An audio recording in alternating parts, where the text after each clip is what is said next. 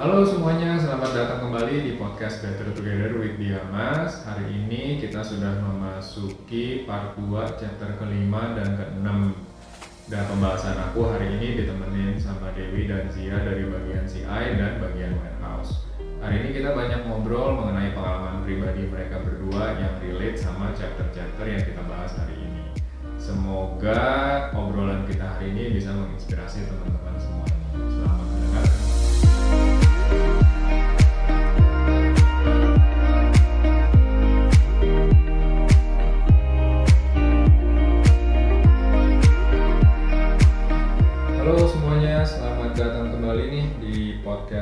Together with Diamas. Hari ini kita udah masuk ke part 2, chapter 5 sama 6. Nah hari ini ada Dewi sama Zia dari CI sama dari tim warehouse. Apa kabar nih kalian?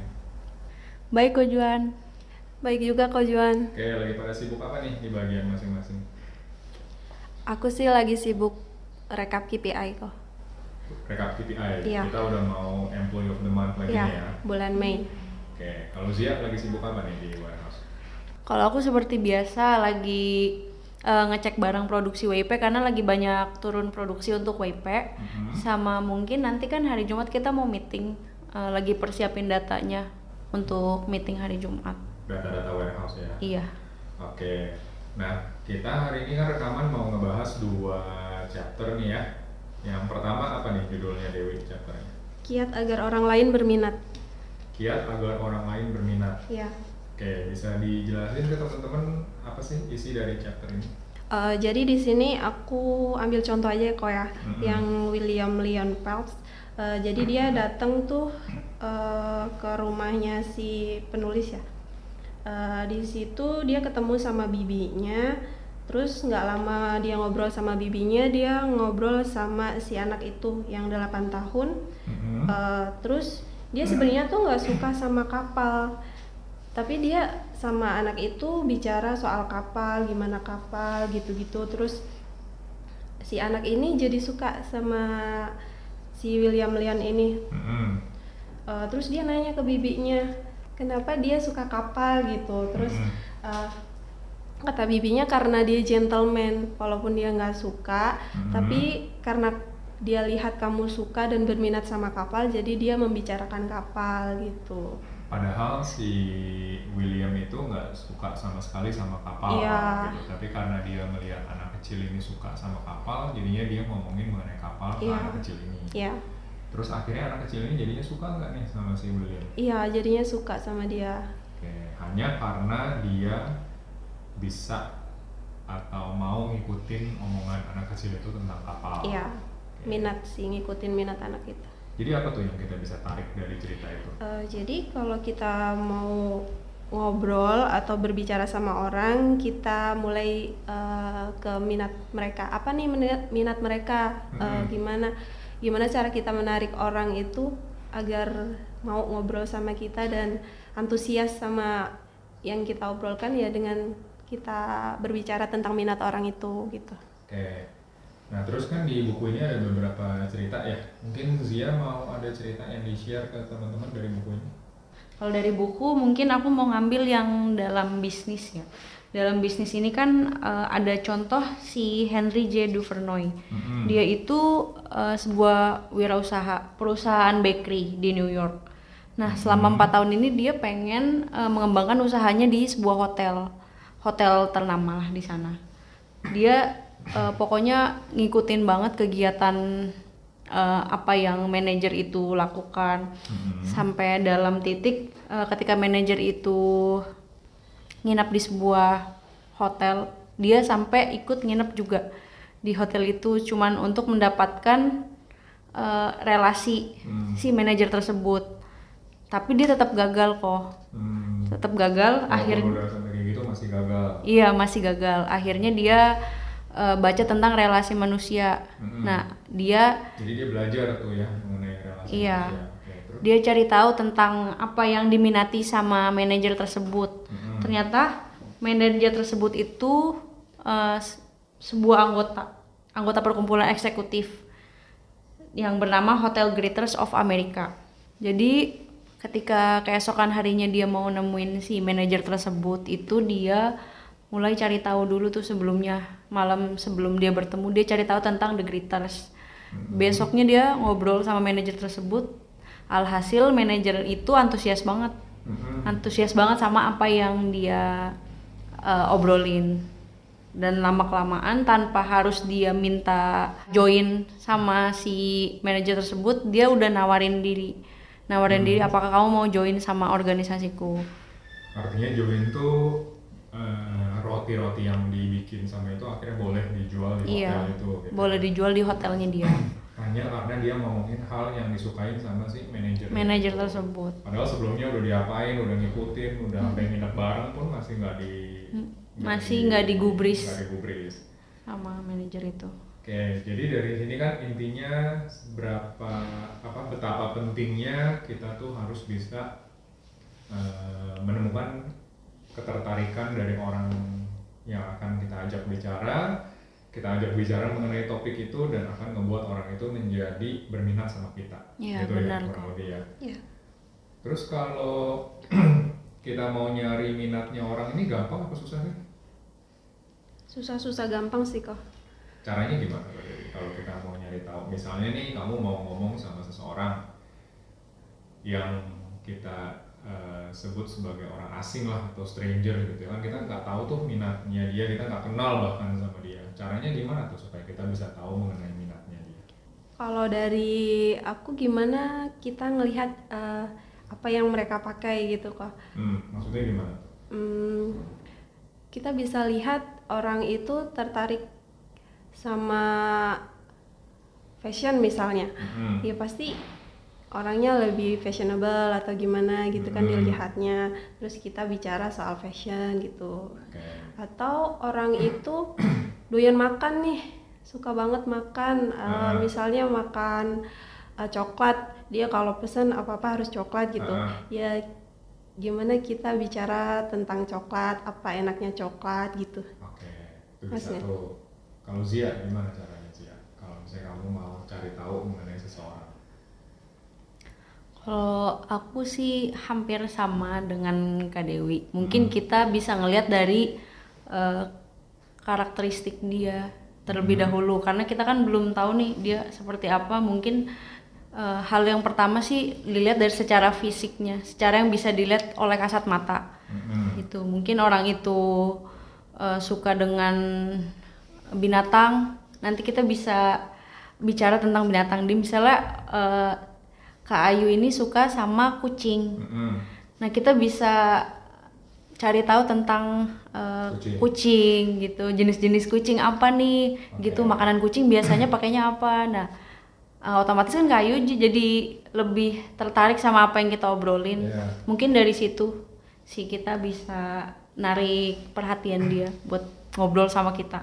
Oke, jadi bagi teman-teman yang pengen cari tahu tentang orang lain, bisa ya menggunakan yang tadi Zia bilang, melihat dari kasat mata apa yang kelihatan dulu, ataupun kita bisa cari tahu eh, mengenai orang itu melalui hobinya atau kesukaannya. Iya. Eh, kalau Dewi pernah nggak nih make ilmu ini untuk kehidupan pribadi kamu misalnya? Hmm, pernah Hmm, kayak apa tuh? Eh, dulu waktu SMP eh, aku sempat nggak punya temen ya. Mm-mm. Eh, me- ya, maksudnya ada ya teman, cuma nggak deket-deket amat lah gitu kok. Kalau Hmm. ngelihat teman yang lain kayaknya pada geng-gengan gitu, banyak kumpul ke mana-mana bareng, ke kantin bareng, ke perpus bareng Oh, gitu. kamu dulu pejuang sendirian. Iya, Oke. aku dulu pendiam. Nah, terus? Terus eh, aku lama-lama pengen juga nih gabung sama mereka gitu, asik kayaknya ngobrol banyak temen gitu kan. Eh, ya udah terus aku ngeliatin tuh mereka tuh suka dengerin musik-musik gitu loh kok. Mm-mm. Eh, dulu eh, lagi ngehits ngehitsnya tuh baru awal-awal masuk kayaknya K-pop gitu. Mm-mm. Terus jadi aku pelajarin tuh K-pop apa sih, terus lagu-lagunya kayak gimana. Terus Iya. ya udah lama-lama kalau mereka lagi ngumpul, aku ikut-ikutan tuh nimbrung ngomongin K-pop. Ya udah, terus dari yang awalnya cuma ya karena nggak suka dulu kan, terus dari awalnya nggak suka, terus lama-lama jadi suka juga. Ya udah gabung sama mereka gitu. Oh jadinya kamu malah ikutan suka juga Iya. Iya. Tapi yang aku pengen tahu nih, eh, yang susah itu kan pertama kalinya ya ketika Iya, kamu pertama mau kali. gabung sama mereka nih eh, pertama kalinya tuh yang paling susah mulainya menurut aku Mm-mm. waktu itu cara kamu untuk mulainya deket sama mereka tuh gimana apakah tiba-tiba kamu sok kenal aja atau misalnya ada ada cara tertentu Iya sebenarnya sih kenal sih udah kenal kok, cuma kan nggak deket. Hmm. Jadi ya kalau mereka lagi, ya mereka lagi duduk nih bareng, ya aku duduk di di situ gitu, ikut dengerin. Awal-awal sih dengerin dulu ya, terus lama-lama, oh iya aku juga tahu nih si ini Suju gitu kan, SNSI gitu. Aku suka nih yang ini, oh iya aku juga suka yang ini gitu. Jadinya kan lama-lama nyambung tuh obrolannya. tapi ketika mereka udah duduk bareng sebagai kelompok dan tiba-tiba kamu duduk deket mereka itu apakah mereka nggak kayak Dewi kamu ngapain di sini gitu Enggak sih kok, Oh. kan kita teman sekelas, cuma kan karena nggak deket gitu aja sih. oke Kenal sih kenal, cuma nggak deket gitu. akhirnya jadi deket nggak Iya, jadi deket. jadi deket Ya, ke berarti berhasil nih ya Iya. triknya Dewi ya untuk dapat teman baik jadi semenjak itu kamu ke mana-mana udah nggak sendirian Iya, oke jadi ada geng. oke kalau Zia ada nggak nih cerita yang bisa di share ke teman-teman Kalau aku sih pengalaman dari tentang minat, aku ngambil dari pengalamanku ketika masuk ke Diamas. Gimana sih. tuh Waktu itu kan aku sudah udah apply, apply ke Diamas. Nah, akhirnya aku dapet panggilan dari Hmm. HRD untuk interview. Yang pertama itu tes dulu kan, dites secara tulis sama Kayosi di ruang meeting classroom. oh ruang classroom Iya di classroom. Nah, setelah itu kan interview sama user. Waktu itu seharusnya kan eh, di interviewnya sama Kayosi. Dan ternyata Kayosi ini sempet nggak bisa. Dan waktu ini Kayosi nggak bisa buat interview aku. Mm-mm. Akhirnya yang waktu itu yang interview ini Kojuan di Diamas di sini gitu kan. Waktu itu aku interview eh, aku sama ada pelamar lain empat orang kan. Hmm. Aku ngelamar waktu itu internship di sini Mm-mm. untuk marketing. Heeh, nah setelah itu eh, Kojuan mulai nanya tentang CV-ku, Eh, kamu pernah pengalaman di mana, ini di mana, dan basic-basic tentang diri aku. Nah di pertanyaan di pertanyaan kedua ini Kojuan nanya tentang eh, culture-nya Diamas. Maksudnya apa yang kamu tahu nih tentang Diamas? Nah di malam sebelum interview sebenarnya seminggu sebelum interview ini aku udah sempet nyari tahu tentang Diamas, Oke. tentang budayanya, visi misinya, terus mungkin dari produknya apa aja itu aku udah nyari tahu, aku udah persiapan karena emang niat aku mau bisa join di Diamas ini Mm-mm. dan setelah itu mungkin Kojuan eh, dari jawaban yang udah aku kasih ke beliau Kojuan berminat dan akhirnya ada tes tambahan Hmm. untuk lanjut eh, interviewnya lagi Oke. gitu sih kok Jadi ini emang agak sedikit menyimpang ya, tapi eh, tips aja nih bagi teman-teman yang mau interview di mana pun nantinya, paling nggak pelajarilah sedikit mengenai perusahaan yang akan Iya, benar. kamu eh, apa lamar itu ya, karena kebetulan aku juga sering interview orang, terus kalau aku tanya orang itu nggak tahu apa-apa tentang dia mas, terus kalau aku jadi bertanya-tanya sama diri aku sendiri kalau kamu nggak tahu apa-apa tentang dia mas ngapain kamu mau kerja di sini? Gitu loh. Jadi kalau ditanya tahu nggak tentang dia mas? Nggak tahu gitu. Terus kenapa kamu melamar di sini? Jadi kan istilahnya dia kayak asal sebar lamaran Lamaran. dengan harapan dipanggil gitu. Eh, terus dari buku ini kan juga ada satu cerita ya mengenai si Roosevelt ini eh, yang dia tuh mantan presidennya Amerika dibilang di sini kalau misalnya Roosevelt ini ada mau meeting sama orang mau ketemu sama orang malamnya tuh dia akan siap-siap dulu tuh belajar mengenai orang itu supaya dia bisa ngomong mengenai hal yang disukai sama si lawan bicaranya itu nanti. Oke, nah itu dari chapter pertama. Terus kita sekarang lanjut ke chapter keduanya nih. Apa nih judulnya sih ya? judulnya ini kiat agar orang lain langsung menyukai anda Oke, ini agak mirip-mirip nggak nih sama chapter sebelumnya? Eh, beda sih kok Beda. Ah, ah, beda Oke, gimana tuh di chapter ini? Kalau yang pertama itu kan kita bicara tentang eh, apa yang orang lain minati. Mm-mm. jadi supaya mereka ada feedbacknya untuk kita Hmm. jadi supaya mereka mau ngobrol sama kita kalau yang di sini ini lebih kepada eh, kita ngebahas tentang apa yang dia sukai tanpa mengharapkan imbalannya imbalannya itu berupa mereka memuji kita atau tidak itu udah urusannya belakangan kok Jadi bukan itu yang kita cari ya. bukan Oke, terus? Terus mungkin kalau dari cerita yang aku ambil di sini sih tentang penulisnya. Ketika penulis ini datang ke sebuah kantor pos, Hmm. dia melihat karyawan, karyawannya itu kelihatannya kayak bosan banget sama kerjaannya, Eh, datar gitu. Setiap bekerja padahal dia selalu nganter barang di situ di kantor pos itu, tapi ini karyawan eh, kayak nggak ada gairahnya sama sekali. Akhirnya Bosan Gitu, sama gitu pekerjaannya sih. Nah, terus?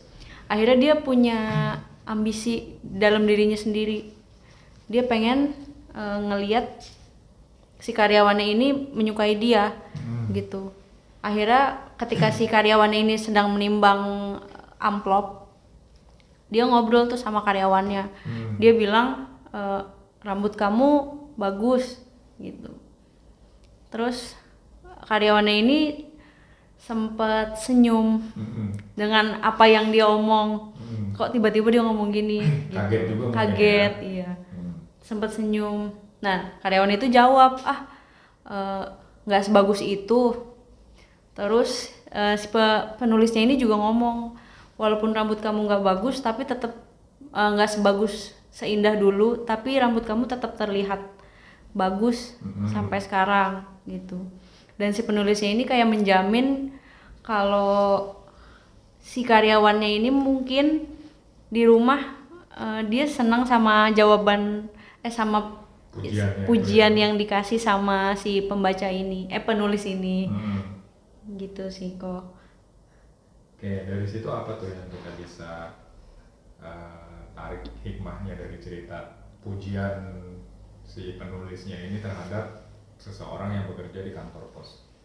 kalau dari cerita yang aku ambil sih mungkin eh, kita nerapin golden rule ya Hmm. golden rule-nya ini Apa tuh golden rule? kan perlakukanlah orang lain dengan baik sebagaimana kamu ingin diperlakukan baik oleh orang lain Hmm. Nah kalau dari cerita ini mungkin walaupun kita nggak dapat apa-apa dari pujian yang kita kasih ke orang, Mhm. tapi mungkin kita dapat kepuasan pribadi bahwa orang itu mungkin bakal senang sama apa yang kita bicarakan karena Hmm. satu manusia itu ingin dihargai. Oke. Itu sih yang aku tarik dari cerita yang ada di chapter ini. Jadi eh, walaupun pujiannya itu sebenarnya hal kecil ya mengenai rambutnya si Iya. orang itu aja udah langsung bisa ngebuat orang itu jadi happy dan si penulisnya pun menjamin kalau orang itu akan happy sampai pulang nanti bahkan sampai ngaca-ngaca katanya ya. Iya. Oke, kalau Dewi ada cerita apa nih yang mau di-share ke teman-teman dari chapter ini? Kalau aku, kalau aku tertarik sama yang eh, Mr. R kok. Mr. Iya, dia Kenapa sama si istrinya. R? tuh ke Long Island ya, sama istrinya terus dia ketemu sama nenek-nenek eh, udah lan- lanjut usia. Terus Hmm. eh, dia nanya nih rumah ini dibangun sekitar 8 ah 1890-an bukan? Iya, terus eh, ini ngingatin aku sama rumah kelahirannya kata Mr. R. Terus eh, Jadi si Mr. R ini ngomong sama siapa sama itu yang nenek itu tadi. Oh sama si neneknya. Mm-mm. Dia ngomong mengenai rumah si neneknya itu. Iya. Hmm. Eh, terus eh, terus ngobrol tuh mereka si Mr. R eh, mengagumi rumah itu, rumahnya bagus, indah, Hmm. luas gitu. Terus si nenek ini jadi suka nih sama Mr. R. Hmm. Terus eh, kayak cangkir-cangkir apa? Lukisan-lukisan dari Italia, terus selendang pasli juga kan. Hmm. Eh, jadi si Mr. R ini mengagumi itu. Nah, dan dia tulus gitu mengagumi itu. Nah, si nenek ini jadi eh, jadi suka nih sama Mr. R. Eh, ini orang bisa apa ya menghargai keindahan padahal saudara-saudara dia kan nggak ada tuh yang tertarik sama si nenek itu. Hmm. malah hanya memperebutkan harta kalau nggak salah di situ terus eh, terus tiba pas di mobil si Mr. R juga ini suka tuh sama mobilnya antik katanya Mhm. Eh, terus ini si Bibi bilang katanya itu buat dia aja gitu kan yang buat Mr. R Mhm. terus Mr. R-nya nggak "Eh, kenapa saya kenapa nggak dikasih ke kerabatnya aja gitu Iya. dia nggak enak kan terus nggak apa-apa kata si nenek karena kamu bisa menga- eh, menghargai keindahan katanya gitu Mhm. Udah itu terus dikasih lah si mobil itu ke Mr. R Padahal mereka sebelumnya kalau nggak salah dari cerita ini belum kenal ya. enggak belum kenal Jadi gimana tuh caranya dari belum kenal bisa tiba-tiba dikasih mobil? Eh, kalau kalau lihat dari sudut pandang si nenek itu eh, dia suka sama Mr. R karena Mr. R itu tulus menghargai keindahan itu loh kok. Si nenek ini kan eh, suka nih di disanjung maksudnya dihargai itu rumah dari rumah dari lukisan dari semua yang ada di rumah itu dihargai sama si Mr. R ini. Mhm. Eh, jadi si nenek ini merasa dihargai sama Iya. Mr. R Mm-mm. karena Kan- dia mengagumi rumahnya, terus mungkin barang-barang koleksi yang ada di rumahnya gitu ya. Mm-mm. Terus pas aku baca kan si Mr. R juga bilang nih sama si nenek itu, kenapa nggak dijual aja mobilnya? Hmm, dia teriak tuh kenapa dijual? katanya. Mhm. "Eh, mem- eh, ini apa kau pikir aku bisa tahan melihat orang asing mengemudikan mobil itu? Mhm. Eh, maksudnya di situ kan ada banyak kenangan eh, bagaimana dia bisa membeli mobil itu gitu. Jadi dia tidak berminat untuk menjualnya. Kalau nggak salah juga kan eh, mobilnya ini dibeliin sama suaminya yang udah meninggal. iya jadi Ya. kenang-kenangan gitu loh kok Mm-mm, jadi nggak mungkin dia mau jual Mm-mm. mobilnya. Terus dia juga nggak mau ngasih ke kerabat-kerabatnya yang lain karena dia berpikir kerabatnya tuh yang kayak kamu bilang tadi rebutan harta ya. iya Cuma nunggu si nenek ini supaya meninggal, nanti Mm-mm. kalau gitu hartanya direbutin. iya Berarti sebetulnya mobil ini udah pengen dikasih nih ke orang gitu kan. Cuman Mm-mm. karena nggak ada yang cocok, tiba-tiba si Mr. R datang dengan ketulusan dan ketertarikannya, Iya. dikasihlah mobil itu ke Mr. R, iya. Oke. Jadi banyak banget ya keuntungan-keuntungan yang bisa kita dapetin kalau misalnya kita tuh baik sama, Sama orang. orang. Oke. Iya. Eh, kalau Zia nih, kamu punya cerita nggak dari pengalaman pribadi kamu yang bisa di-share mengenai chapter ini? Kalau pengalaman pribadi aku sih lebih kayak waktu itu eh, zaman kuliah sih kok. Mhm. Zaman kuliah nih aku menjadi secret admirer seseorang. Oke. Iya. secret Satu apa tuh secret admirer Satu beda kelas? beda beda kelas. Cuman Satu angkatan. iya satu angkatan, Oke, satu jurusan juga. Satu jurusan. Terus Iya. gimana nih? Nah aku nih kayak lebih kagum sih sama dia karena dia pinter Mhm. dan aku suka tipe cowok yang diem, pendiam Oke. gitu. Nah dia ini Yang misterius gitu ya? misterius dan uh, apa yang iya, apa yang aku suka ini ada di diri dia wah gila kayak ini orang ini gua banget gitu kayak keras gua banget gitu ya. iya. Terus? Nah ketika itu aku uh, ada niatan buat gimana sih caranya biar dia suka nih sama aku gitu. Gimana biar caranya dia suka sama aku. Dia dia bisa ngeliat aku nih kalau aku nih ada nih di sini. Oke.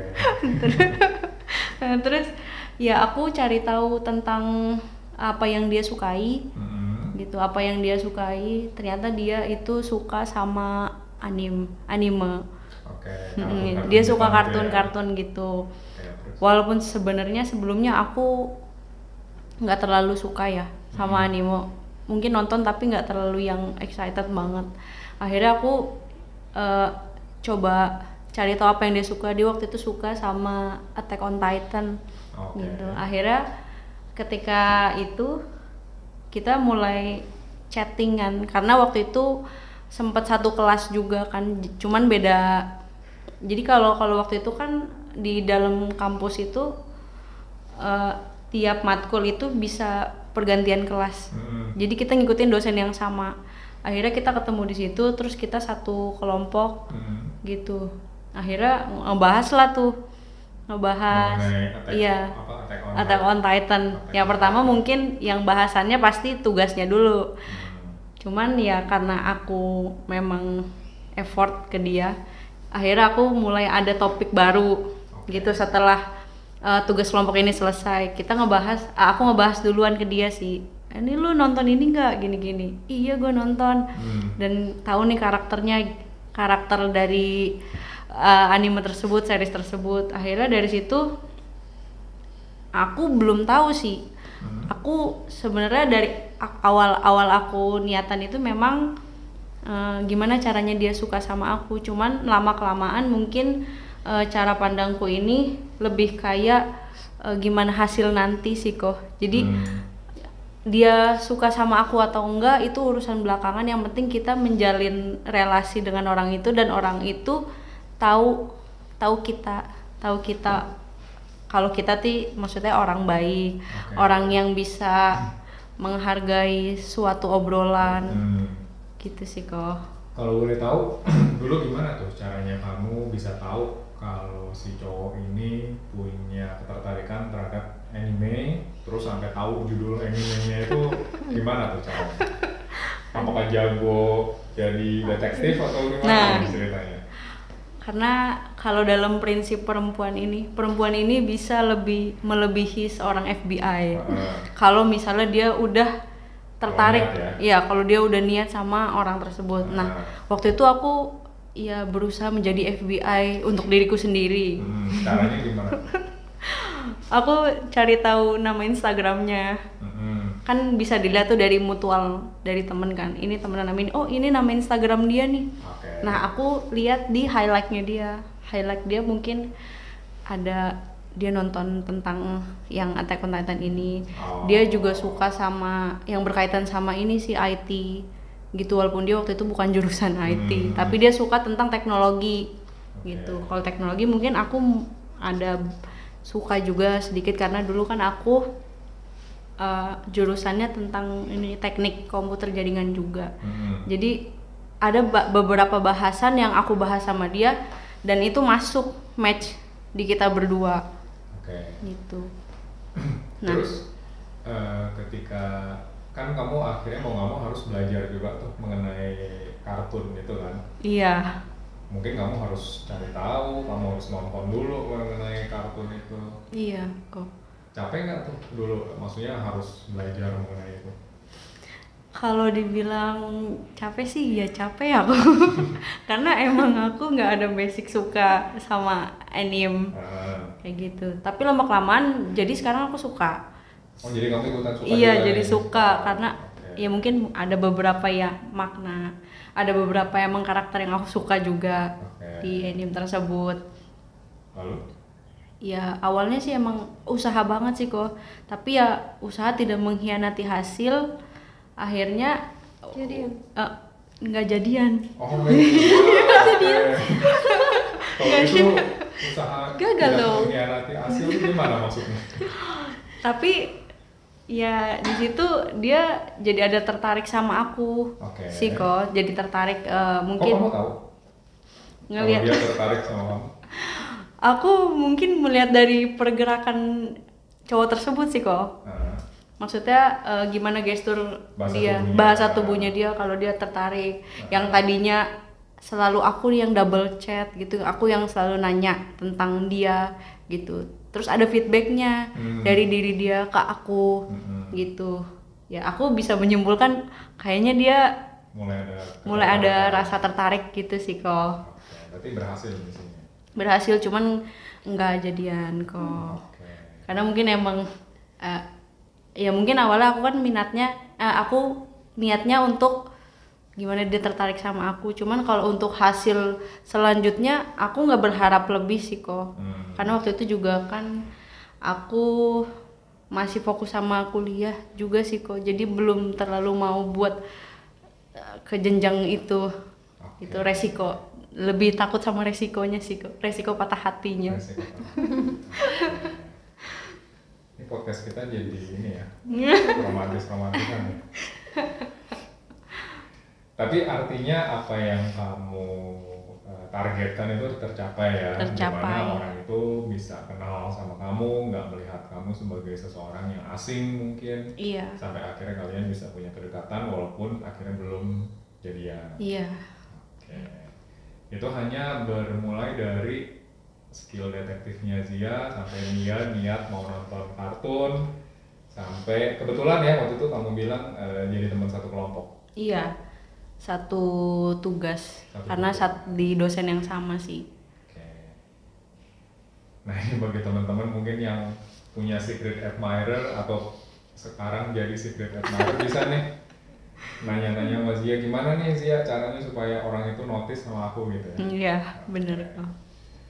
Oke, thank you. Terus kalau Dewi ada cerita apa nih Dewi? Eh, kalau aku untuk eh sehari-hari aja sih kok. Mm-mm. Eh, dulu waktu aku pindah di perumahan, em, aku kan belum kenal tuh sama tetangga-tetangga kan. Mm-mm. Hmm, terus eh, tiba-tiba tuh ada yang tetangga emang udah di situ sebelum aku pindah, eh, dia ngasih tuh kue ke aku. Terus ya udah aku juga karena piringnya di aku kan jadi juga aku harus ya harus balikin juga kan. Tadi kan sama yang prinsip yang tadi pertama kan eh, memberi kepada orang lain apa yang ingin kita dapatkan dari orang lain itu kan. Mm-mm. Eh, ya udah terus aku jadi kalau aku punya makanan aku juga kasih tuh orang itu terus Hmm, nggak cuma orang itu lama-lama kan penuh tuh perumahan ya udah kalau ada eh, apa makanan atau ada rezeki sedikit gitu bagi-bagi sama Hmm. tetangga gitu kan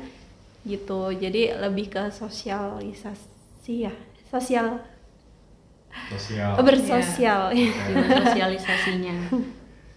Eh, terus eh, ketika kamu dapet kue dari tetangga itu apa yang ada di pikiran kamu waktu itu Dewi? Hmm, ya orang ini baik gitu mau ngasih ke aku padahal kan Hmm. belum kenal aku masih Hmm. baru di sini gitu jadi aku juga mikirnya aku juga harus kayak gitu aku eh, pengen orang lain juga apa kenal sama aku gitu suka gitu ya dengan berbuat baik gitu Hmm. kita balik balik berbuat baik sama orang itu gitu Kalau tetangga kamu ngasih kue itu kan niatnya baik ya tadi bilang. Tapi kuenya enak? Eh, enak lah kok Kalau misalnya kita dikasih kue nih tapi kuenya nggak enak gimana tuh? Em, Apakah yang kita lihat tuh niatnya orang itu baik? Apakah kamu lihat ini orang niat nih tapi kok kuenya yang dikasih kurang enak ya misalnya? Eh, sejauh ini kalau dikasih kue enak sih kok. Kalau aku sendiri gini, kalau mau ngasih orang masa yang nggak enak kan nggak mungkin. Aku Iya. kalau misal bikin makanan, aku cicipin dulu. Kalau nggak enak ya nggak bakalan aku kasih Oke. gitu. Nanti eh, apa ya nggak nggak masuk gitu loh. Ketulusannya tuh kayaknya nggak Iya. nyampe gitu loh. niatnya baik tapi Iya, malah malah- Mm-mm, baik gitu ya. Gitu. Terus kan kamu tadi juga bilang kalau semenjak itu kamu juga sering bagi-bagi makanan Mm-mm. atau kue kalau misalnya kamu ada rezeki lebih. Iya, gitu, atau gitu kalau kan. abis dari pulang kampung kan Mm-mm. eh, pasti ada oleh-oleh tuh bagi-bagi gitu. Oke. Ketika kamu bagiin itu ke tetangga-tetangga kamu, reaksi mereka terhadap kamu apa tuh?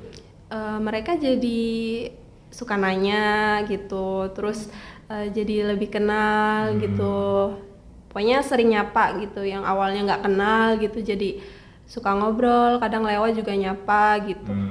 atau main ke rumah gitu Jadi artinya kalau memang kita mau deket sama seseorang atau satu grup itu memang harus ada usaha ya dari kita. Iya. Nggak bisa kita yang ngarep oh mereka yang akan mendekati kita gitu kan. Mm-mm. Oke. Terus sampai sekarang masih suka bagi-bagi nggak? Apa cuma di awalnya doang? Dewi? nggak masih suka sampai sekarang juga masih suka kok Masih suka. Iya. Oh, kita di Diamas nggak pernah kebagian ya?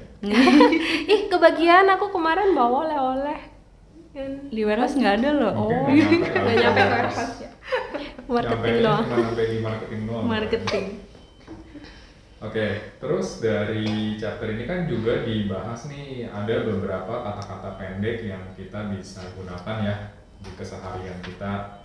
Ya mungkin kalau dalam bahasa Indonesia tuh kayak ucapan terima kasih, ucapan tolong, ucapan apa lagi kira-kira permisi atau apa lagi?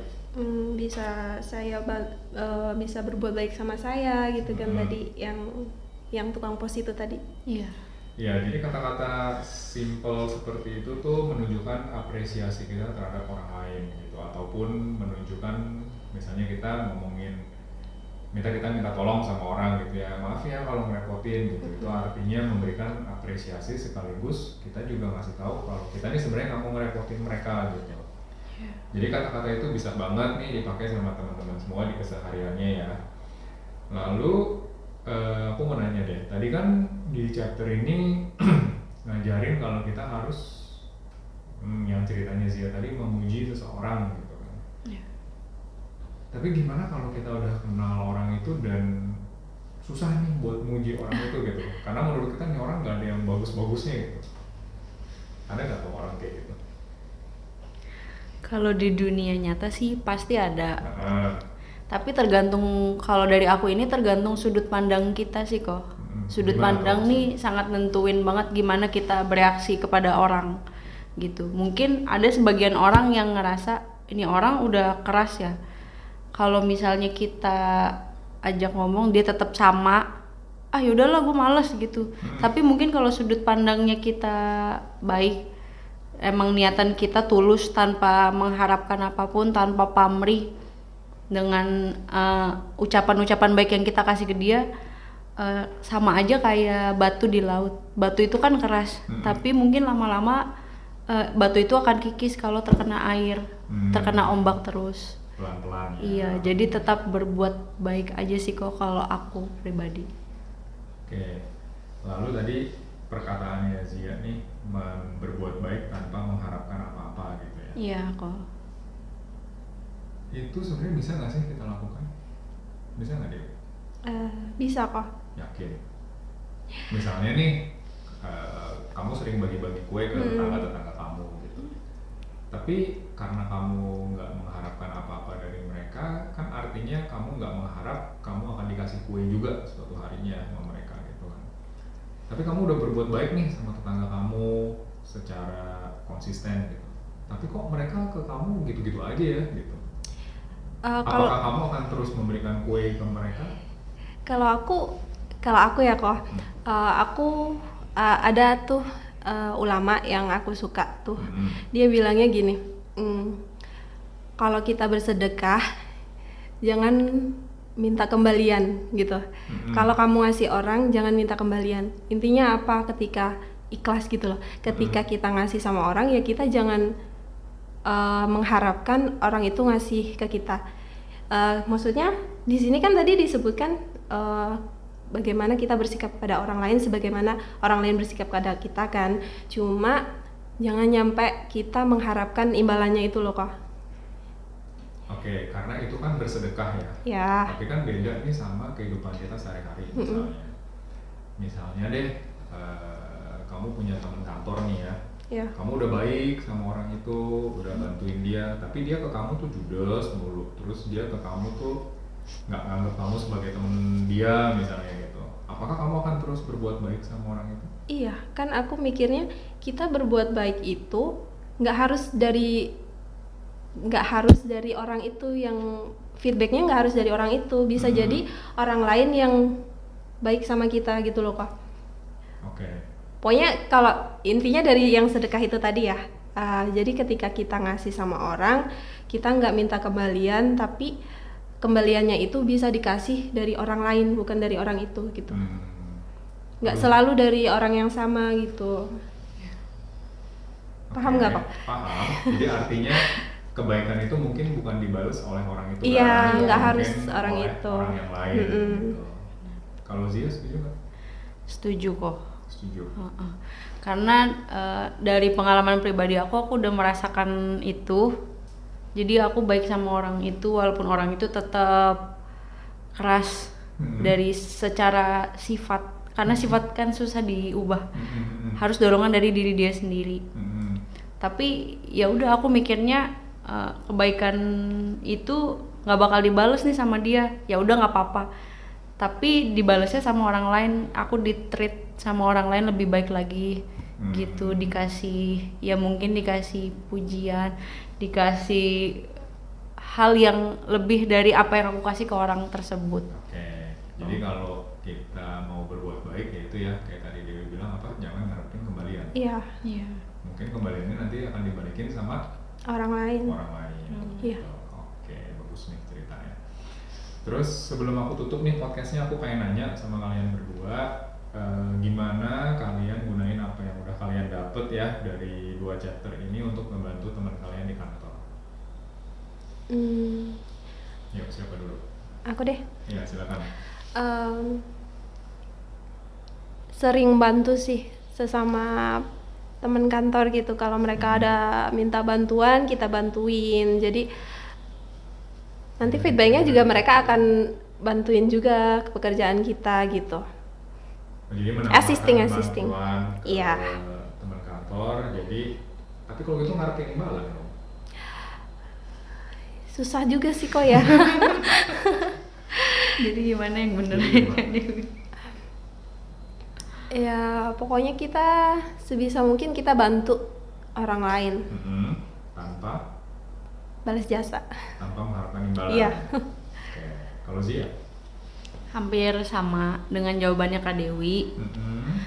Kita tuh harus ya kalau misalnya di warehouse ini kan yang memang eh, kerjaannya lebih banyak ya.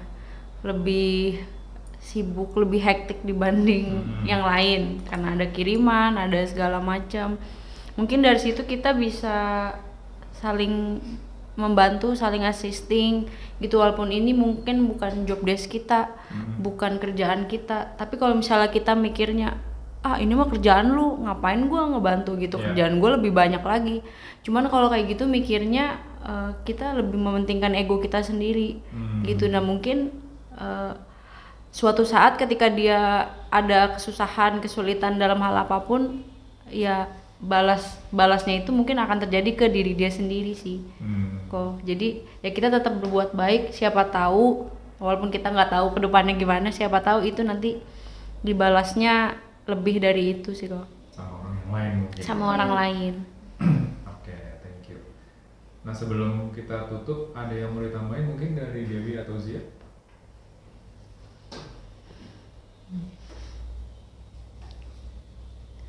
Nah, ada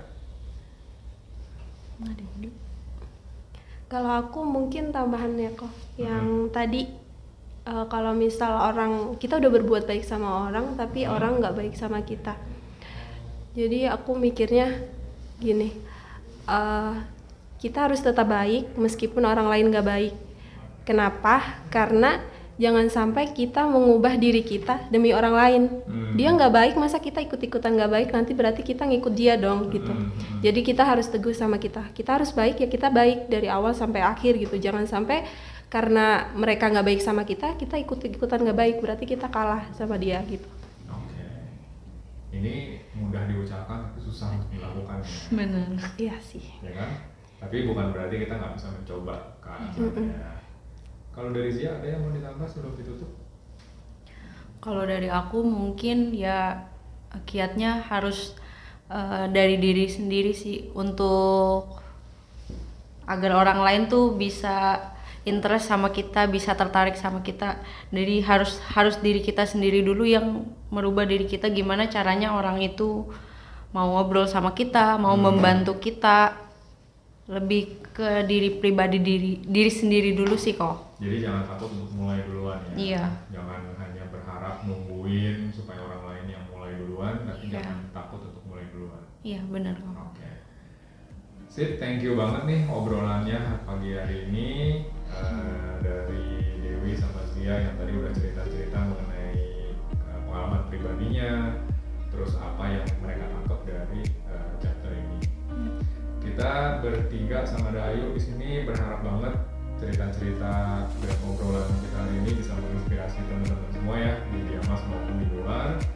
Terus kita nanti akan balik lagi di episode berikutnya. Thank you semuanya. thank you Thank you, Gojuan Bye.